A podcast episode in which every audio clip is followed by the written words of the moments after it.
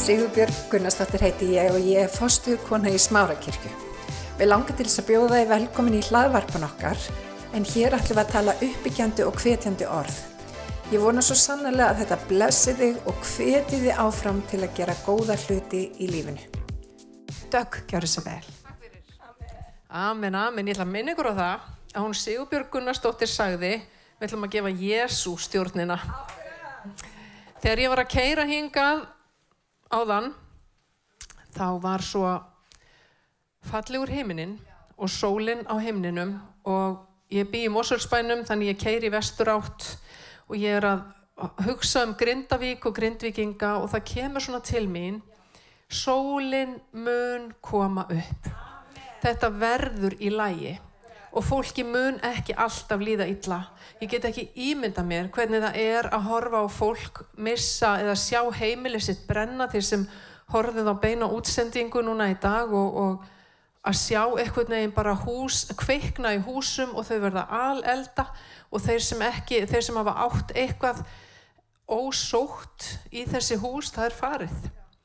Og hugur minn og hugur okkar allra er hjá grindvikingum en þeim mun ekki alltaf líða illa og ég trúi því að allt samverkið til góðu svo mætti þetta verða til þess að fólk leiti í raun og veru tilgangslífsins hins raunverulega tilgangs.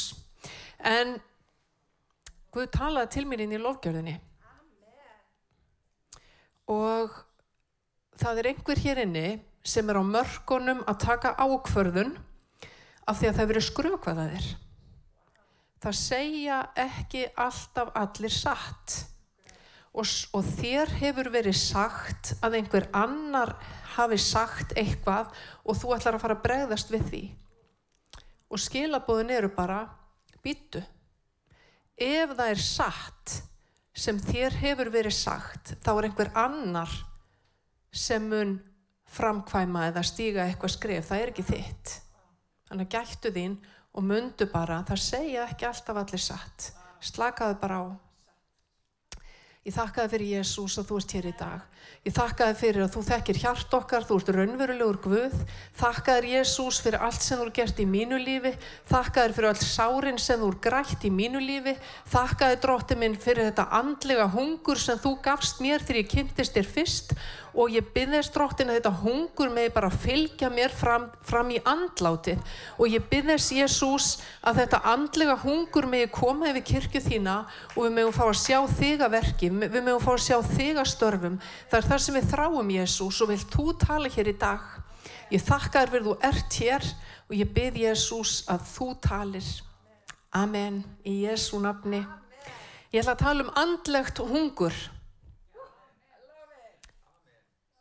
Tveir mjög spenntir við því. Ég hugsaði nú með mér þegar hún Sippa var að tala um ífum eldin, þessar bænastundir sem eru núna í mjög mörgum kirkjum á hverju einasta kvöldi og hún er svo hóvar ef þið komist ekki reyni að komast einu svona tvísor og ég stend hér og segi hei, mæti þið alltaf, mæti þið bara öll kvöld, þetta verður ykkur til góðs, trúið mér. Það er í salti í kvöld. Heyrðu, en ég ætla að segja ykkur sögu í dag af konu uh, sem var í bóði og hún vakti meiri aðtigli heldur en hún held að hún myndi vekja með því sem hún gerði. Og hún vakti ekki bara aðtigli á sjálfrið sér heldur vakti hún líka aðtigli á gerstgjafanum og þau tvö höfðu örugleiki hugmyndum að, að það er þið skrifað um þau í Nýja testamentinu og allar götur síðan er þið talað um þetta matarbóð. Það er mjög mikilvægt að eiga heimili hugsandi um sko grindvikinga til þess að geta fólk, bóði fólki heim og ef maður tapar heimilinu sínu, það er svona griðar staðurinn, þá er mjög mikilvægt að maður egnist heimili. En þessi kona sem ég ætla að segja ykkur frá, hún er þekkt fyrir andlegt hungur. Og í Lúkasakvöðspjalli sjönda kabla allir sem eru með biblíuna sína einu sinni var sagt það er vakningarmerki þegar fólk mæti með biblíuna sína. Nú fara allir í síman, ég veit ekki hvort það er endilega heppilegt að hvetja fólk til að fara í síman En í Lúkasaguðspilli sjönda kabla, frá versi 36, þar stendur, farísiðin okkur, bauð Jésu til máltíðar. Það var sagt maður sem bauð Jésu í mat. Og fyrir ykkur sem ekki vitið, þá voru farísegar flokkur geðinga og nafnið þýðir trúlega þeir aðskildu, eða þeir sem skilja sig frá. Og á þessum árum þá var algengt að geðingar kæmu saman í heimahúsum til þess að lesa rittninguna og byggja, rannsaka rittningarnar. Þessi farisi bauð Jésu heim og hann bauð honum í mat. Það kemur ekki fram hvað er í matinn, örugla aukaðatriði. Það er alltaf aukaðatriði þegar þú býður fólki í mat hvað og gefur því að borða. En við getum velt fyrir okkur af hverju bauðan Jésu heim? Af hverju bjóðum við fólki heim? Kanski er einhver einna sem býður aldrei neinum heim og kannski er einhver einna sem er aldrei búið heim. En við bjóðum fólki heim af því okkur bara langar til þess. Það er bæði gaman fyrir okkur og það er gaman fyrir aðra. Og farið sem bauði Jésu heim. Hefur þú eitthvað tíma bóðið Jésu heim? Já. Já. Í Nýja testamentinu þá voru margir sem bauðu Jésu heim af alls konar ástæðum. Þar var til dæmis Jairus, það var maður sem átti dóttur sem var 12 ára og hún lág fyrir döðanum. Hún var döðvona og ef það myndi ekki gerast kraftaverk þá myndi hún deyja. Jairus bauð Jésu heim af því að hann þurfti nöðsynlega á því að halda. Og það var einu sinni hundraðshöfðingi sem átti veikan, veikan þjón og sá þjón var líka döðvona og hann bauð Jésu heim. Símon Pétur bauð Jésu heim og vildi svo heppila til að, eða heppila, að vildi svo heppila til að tengdamamma sem var veik. Ég veit ekki alveg hvernig samband Símona Péturs var við tengdamammu sína. Kanski stundum getur auðvitað verið gott ef tengdamamma býr hjá manni að hún sé veik, ég veit það ekki. En allavega, þetta var hérna Guðspjalldakar. Símon Pétur bauð Jésu heim og, og tengdamammans var veik og Jésús hastar á sjúkdómin eða veikindin og konan rýs á fætur og fer að þjóna til borðs. Það getur líka verið mjög gott ef einhverju veikur og maður þarf að fá hann til að hjálpa sér að þá er þetta mjög heppilegt. En farísear, þeir buðu fólki heim. Við ráðum hverjum við bjóðum heim og hverjum ekki. Og það er ekkert sérstaklega mikið um það að fólk mæti heim í bóð sem því hefur ekki verið bóðið í. Uh, og, og í rauninni komi sko óbóðið og ekki nómið það heldur bara verði miðpunkturinn í partíinu bara drægi alla aðtiklina að sér. Ég man eftir einni jarðarför sem ég fór á þar sem kom maður. Sko maður venilega býður fólk ekki í jarðarför ekki en maður sé í kyrþei og þetta var bara ofinberð jarðarför og það kemur allt í hennu inn sko þokkalega drukkin maður. Og ég hugsaði bara, vá, hvað lífið eru orðið dabulegt ef það eru orðið gaman að fara á jarða fyrir einhverjum ókunnum en, en maðurinn kemur inn og hann bara lappar fremst og hann leggst bara á gólfið bara fyrir framann alla.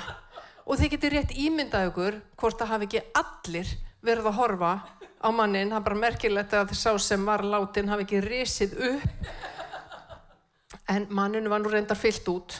En við gerum þetta yfirleitt ekki.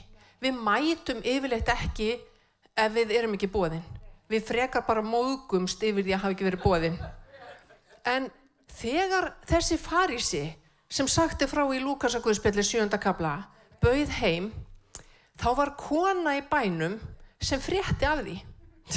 Þessar konur sko.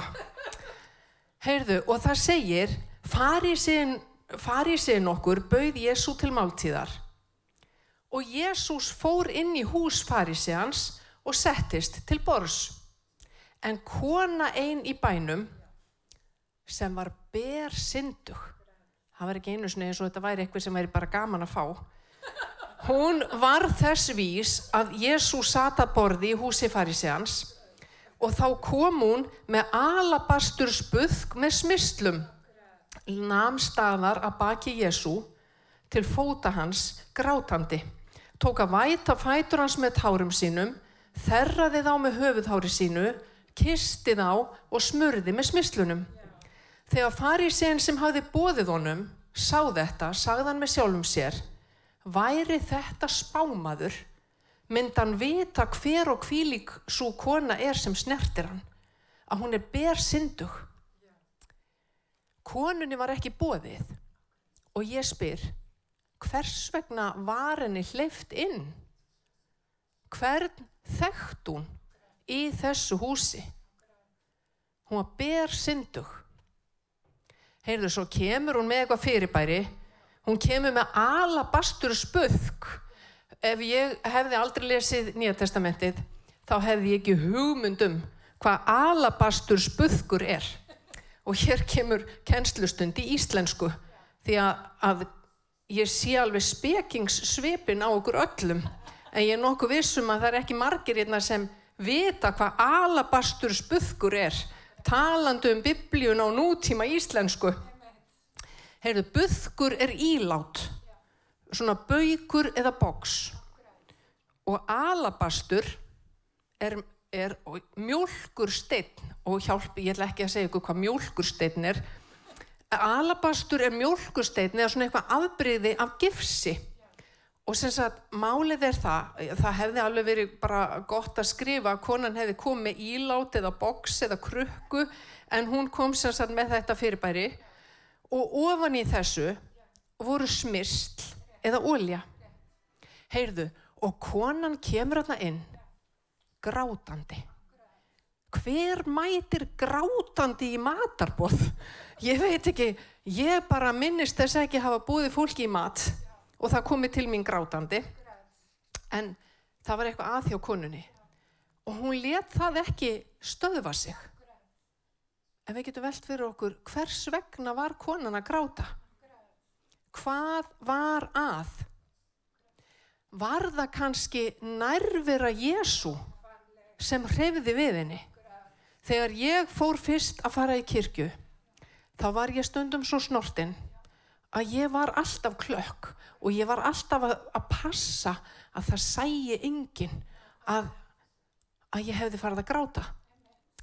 Ég bara einhvern veginn, ég var ekki vöndi að það veri eðlilegt og bara maður mætti sína tilfinningar sínar og ég var ekki að gráta af því að það veri eitthvað að eða ég reynilega veit ekki hvað ég var að gráta. Ég var bara snortinn yfir nærfur Guðs.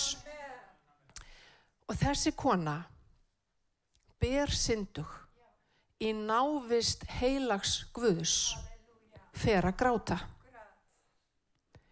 Hjartaðennar kramið. Hvaða áhrif ætli það hafi haft á lífennar að vera ber syndug?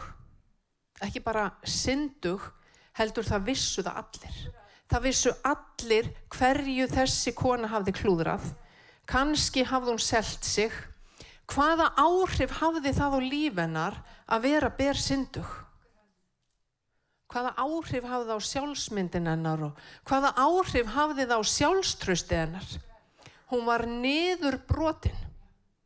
Hún var bara algjörlega kramin og hún fann til. Hún uppliði sársauka. Og Jésús sá sársaukan hennar og Jésús sér sársaukan þinn. Sama hvað þú hefur farið í gegnum. Sama hvað það er sem Jésús minnir þig á í dag. Hann sér sársaukan og hann ekki bara getur læknaðan, hann vill læknaðan. Og þegar Jóhanna segir hér áðan, ég, ég komst svo við þegar hún segir að hún láfi dauðan styr og pappina segir við hana ertu þarna? Ertu þarna? Það eru svo miklar tilfinningar á bakvið þetta. Og Jésús lætur sér ekki bara and um líf okkar frá degi til dags Hann lætur sér andum fortíð okkar, nútíð og framtíð og hann vil gera okkur heil. Hann vil lækna sorginnar okkar og svo er það þannig að þegar maður fyrir að ganga með Guði þá geta bara komið ný særindi. Það er einhvern veginn þannig við hættum ekkert að vera manneskjur þó fórum að fylgja Jésu og fólk getur sært okkur. En alveg eins og Jésús læknaði sárinennar Jóhönnu, Jésús læknaði sárin mín, þá heldur hann áfram að lækna. En við einhvern veginn bara í okkar holdi stundum tekur þetta bara smá tíma. Og það er allt í lægi. Það er okkar að játa syndir okkar, það er okkar að segja frá því hvað hefur hrygt okkur. Jésús sér um afgangin. Það getur vel verið að það takir þrjá mánuði eða sex mánuði eða nýju mánuði en hann læknar. Það er vittnisspurðurinn minn. En í nærveru Jésu þá snertir hann kvekuna okkar. Hann snertir þetta sem er dýfst í hjart okkar. Við getum haldið kúlinu fyrir framann fólk, við getum haldið andlitinu, ekki framið fyrir Jésu. Hann veit algjörlega hvað við erum að hugsa, hvernig okkur líður og hvað við erum stött. Og hann er komin hingað í dag til að lækna. Hann er komin hingað í dag til þess að lækna þig og lækna sárin þín. Þessi kona með alabastursbuðkin, ef ég væri í bandaríkjónum þá myndi ég segja núna, allir segja alabastursbuðk. en þessi kona, hún hafði tekið svo margar rángar ákvarðanir og það hafði líka verið komið illa fram við hanna. Þannig að hún þurfti sennilega bæði að fyrirgefa sjálfrið sér og öðrum. Hún var alveg öruglega með samvinskupitt eins og við getum öll fengið yfir öllum raungu ákverðunum okkar. Yfir því sem hún hefði, hafði gert rámt og yfir því sem hún átti að gera en gerði ekki. Það er svolítið vond líka. Þegar maður veit að maður hefði átt að gera eitthvað að maður leta ógert. En konan var algjörlega berskjölduð og hún kemur þarna með smyrsl til að smyrja Jésu sem segir mér þetta var engin tilviljun. Hún dætt ekkit bara óvart inn í eitthvað matabóð. Hún var undirbúin. Hún þurfti að hafa fyrir því að kaupa þessi smyrsl og þau voru rándýr. Og það var eitthvað sem gerðist í hjartenar áður en hún mætir í þetta hús. Og þetta kostaðan eitthvað. Þetta kostaði hana peninga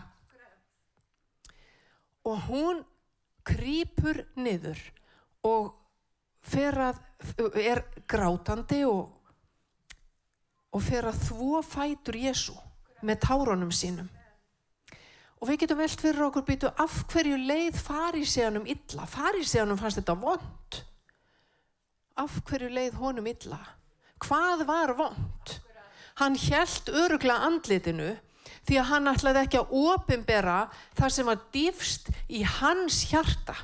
Sá var munurinn á þessum tveimur. Konan opimberaði sársaukan í hjarta sínu. Konan bara kom til Jésu eins og hún var.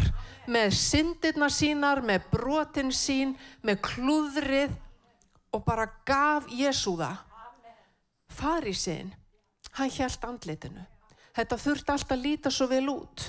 Hann ætlaði nú ekki að láta bera á því hvað verið að gerast í hjartans. Konan átti andlegt hungur. Og það er eins og hún hafi sagt mér er sama hvað fólkinu finnst. Mér er sama hvað það kostar. Ég skal nálgast Jésu mannorð hennar var svo sem farið hvað sem er.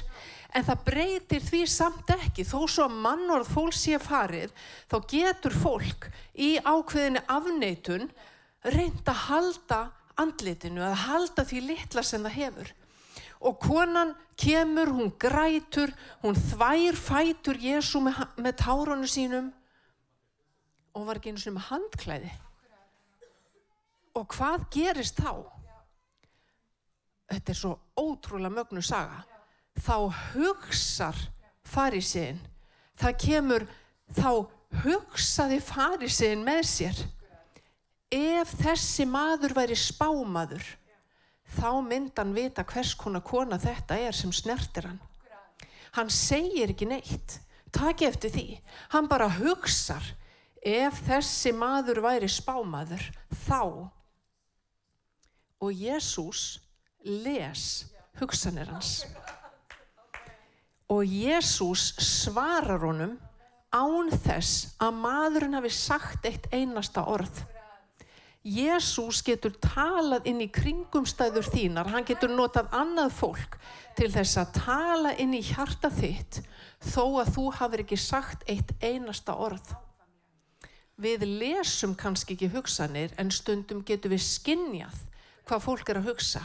Því nær Jésús sem við göngum, því næmari sem við verðum á anda hans, því næmari verðum við á það sem er að gerast í kringum okkur og jáfnvel í lífi annar og þess vegna segi ég mætið á þessa bænastundir ífum eldin helgumst Guði þrengjum okkur nærunum. Jésús svarar farisjónum og það sem Jésús segir það hittir hann í hjartastað. Og Jésús byrjar á að segja sko Símón hvaða hérna hvað er þú eiginlega að pæla? Hann gerir það ekki. Hann byrjar bara á að segja hann sögu. Sem Símón Ég ætla að segja það svolítið. Ég er einna með smá sögu. Kondu með það, segi bara Símón. Segðu það, mestari, takk eftir því, þetta er smá hræstni, mestari. Og þá segir Jésús, það voru eins og tveir menn sem höfðu fengið lán og þeir skulduðu báðir láni sitt og þeir gáti ekki borga það. Og annar uh, skuldaði 50 denara en hinn 500 og mér minnir að einn denar hafi verið daglaun. Þannig að, þannig að 50 denarar voru sennilega miða við 5 daga vinnuvíku cirka, voru kannski þryggja mánuða laun. En 500 denarar voru kannski tveggja til þryggja ára árslaun. Og þeir voru stór skuldugjur samt báðir. Og Jésús segir þeir gáttu ekkit borgað. Og maðurinn bara gaf báðum upp skuldina Og svo segir hann við Símón, við farið sé hann, hvor þeirra heldur þú að hafi, að kun, hvor þeirra heldur að við kunna betur að meta þetta? Hvor þeirra heldur að við mm, þótt vætna um uh, hérna, lánardrottin? Hvor þeirra skildi elskan meira? Og þá segir Símón, ég reikna með því að það sé sá sem hann gaf meira upp, þessi sem skuldaði 500 denara, Já, segir Jésús að rétt hjá þér. Og hann hefði gett að stoppa þar. En til að tryggja að Símón næði örgla skilabónum, þá snýr Jésús sér að konunni, sem er allt í enn orðin aða leikari í þessu matabúði. Og sem var ekki að byggja um alla þessa aðtikli, en þegar Jésús bendir á konuna, þá ætla bara að sjá hana allir. Hann snýr sér á konun og segir við farið sér hann, sjáðu þessu konu ég kom hérna í húsi þitt. Þú gafst mér ekki vatn á fætu mína. Það var það var kurteysi, það voru ekki til neinn svona upphá öklastígvél í Ísrael á þeim árum, þau eru ekki til í dag. En það var kurteysi af, því að fólk var skítugt á fótonum og það var kurteysi að fólk fengi vatni að það kemi þjóttn og þvæði fætur þeirra En Jésús segir, ég kom í húsið þitt Símón, ég kom heim til þín, takk fyrir það, kann að meta það, góð matur og skemmtilegt, en þú gafst mér ekki vatn á fætum mína, en þessi kona, hún er búin að væta fætum mína með tárum sínum og þurka þá með hárinu. Og ekki kistir þú mér, mér, er sagt að það hefði líka verið venja, að hérna, fólk var bóði velkomið eða var, því var sínd virðing með kossi. Ekki gafst þú mér koss en hún hefur ekki látið af að kissa fætur mína frá því að kom.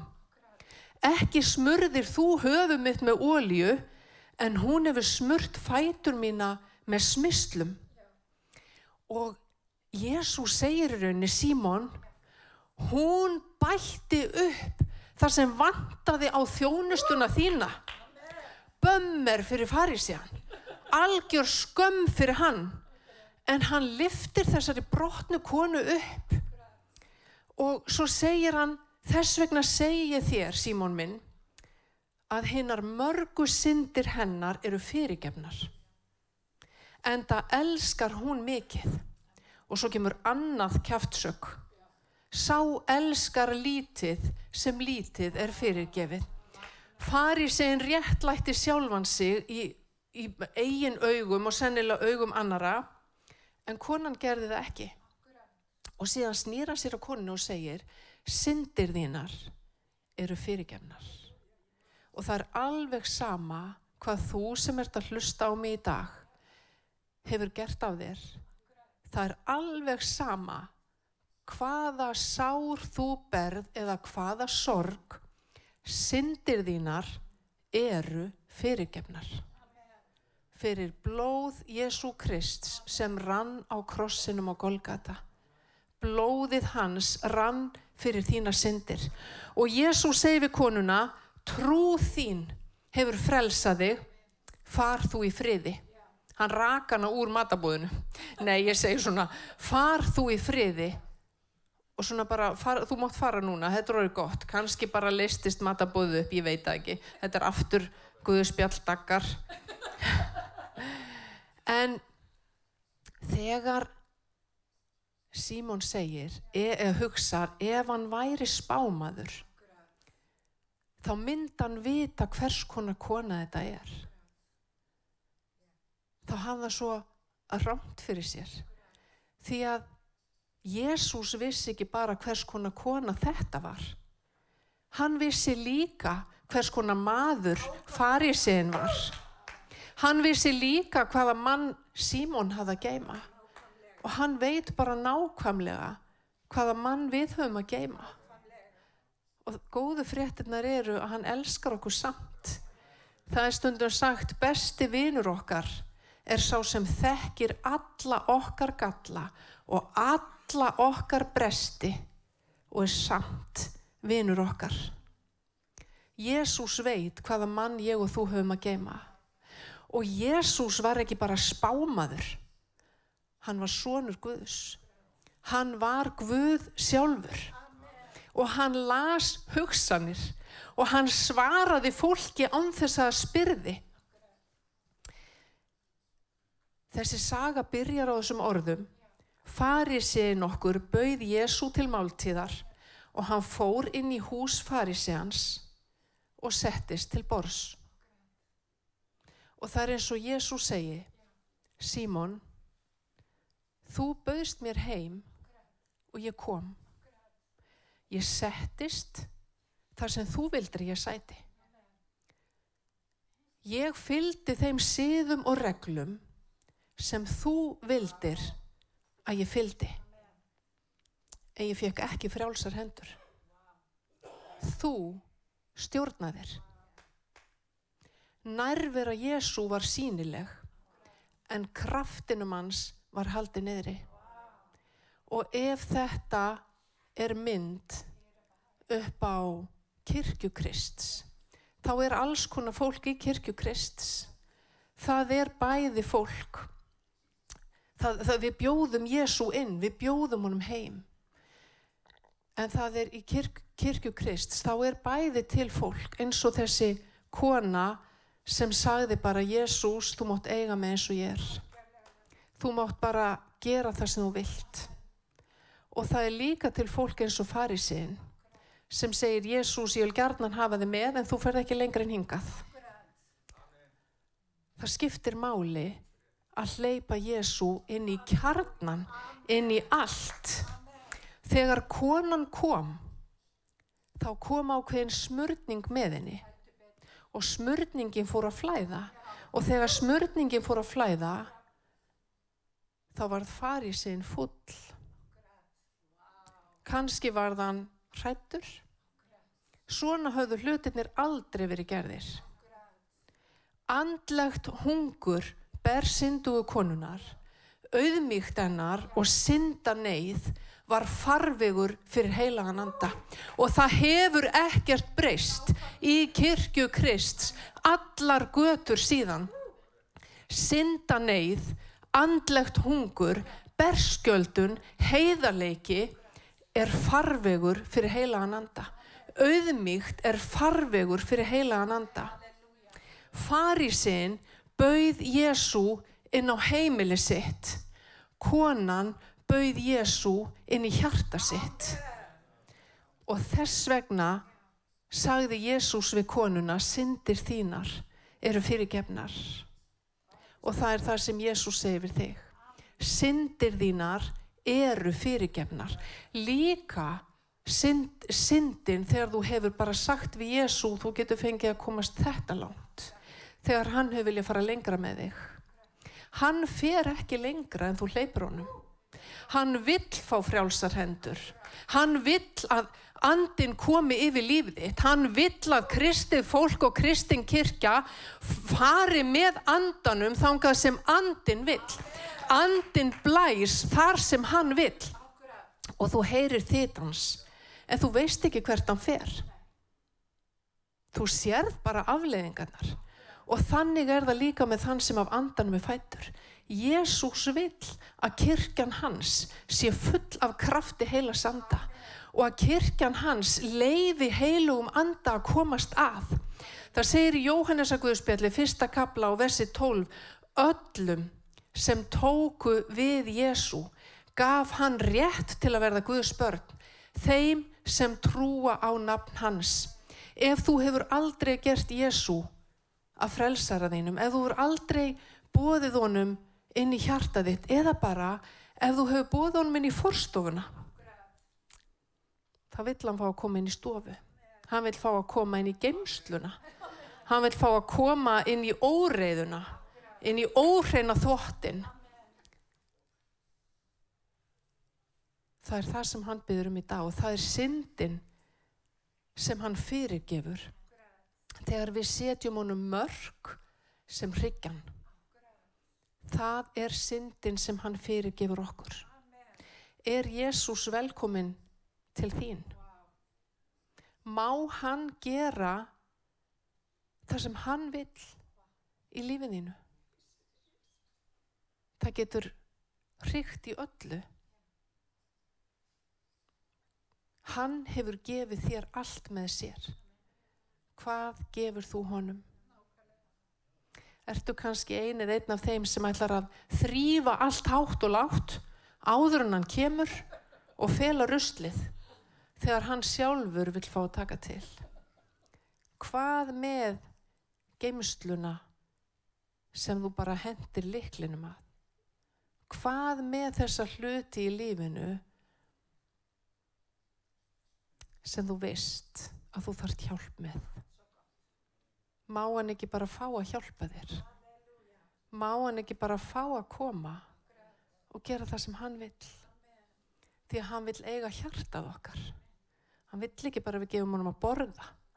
Hann vill eiga hjartað. Jésús, ég þakka þér fyrir að þú ert hér. Og ég byrði þess Jésús minn að þú fáur að koma stað í líf okkar allra. Ég þakka þér Jésús fyrir fólki sem þú sendir hingað í dag til þess að heyra þennan bóðskap. Og ég byrði Jésús um andlegt hungur yfir hennan hóp. Og ég byrðast drottin að þú fára að koma stað til að gera það sem þú vilt gera, það sem þú einn getur gert. Að þú fára að gera það sem þú vilt gera eins og þú vilt og þegar þú vilt. Og ég þakka þér fyrir heila árandi að þú ert hér. Ég þakka þér fyrir þú ert hér. Og ég byrð Jésús fyrir manneskjunu sem hefur verið skrökvaðað. Ég byrð fyrir þessari mannesku sem hefur verið særð og er á mörgum þess að fara að taka ákverðun sem verður ekki til góðs. Ég þakkaði fyrir Jésús, þú veist framið fyrir hverju við stöndum. Þú veist hvað við erum að hugsa. Þú veist hvað aðrir hafa sagt. Þú þekkir alla þessa hluti. Og nú byrði þig heila árandi að koma. Ég byrð heila árandi. Komd þú yfir þitt fólk. Og ég byrð Jésús, vil þú lækna sárin? Vil þú hreinsa sárin? Viltu lifta byrðunum af þeim sem bera þungar byrðar. Ég þakka þér fyrir Jésús að þú ert læknir og þú kemst lengra en nokkur annar. Heilagur andi komdu. Heilagur andi komdu. Heilagur, heilagur, heilagur. Öll jörðin er full af þinni dýrð Jésús. Jésús, Jésús, Jésús. Ég hveti til þess að stilla inn á okkur með reglum hætti því að hér verður alltaf eitthvað nýtt á nálinni. Takk fyrir að hlusta.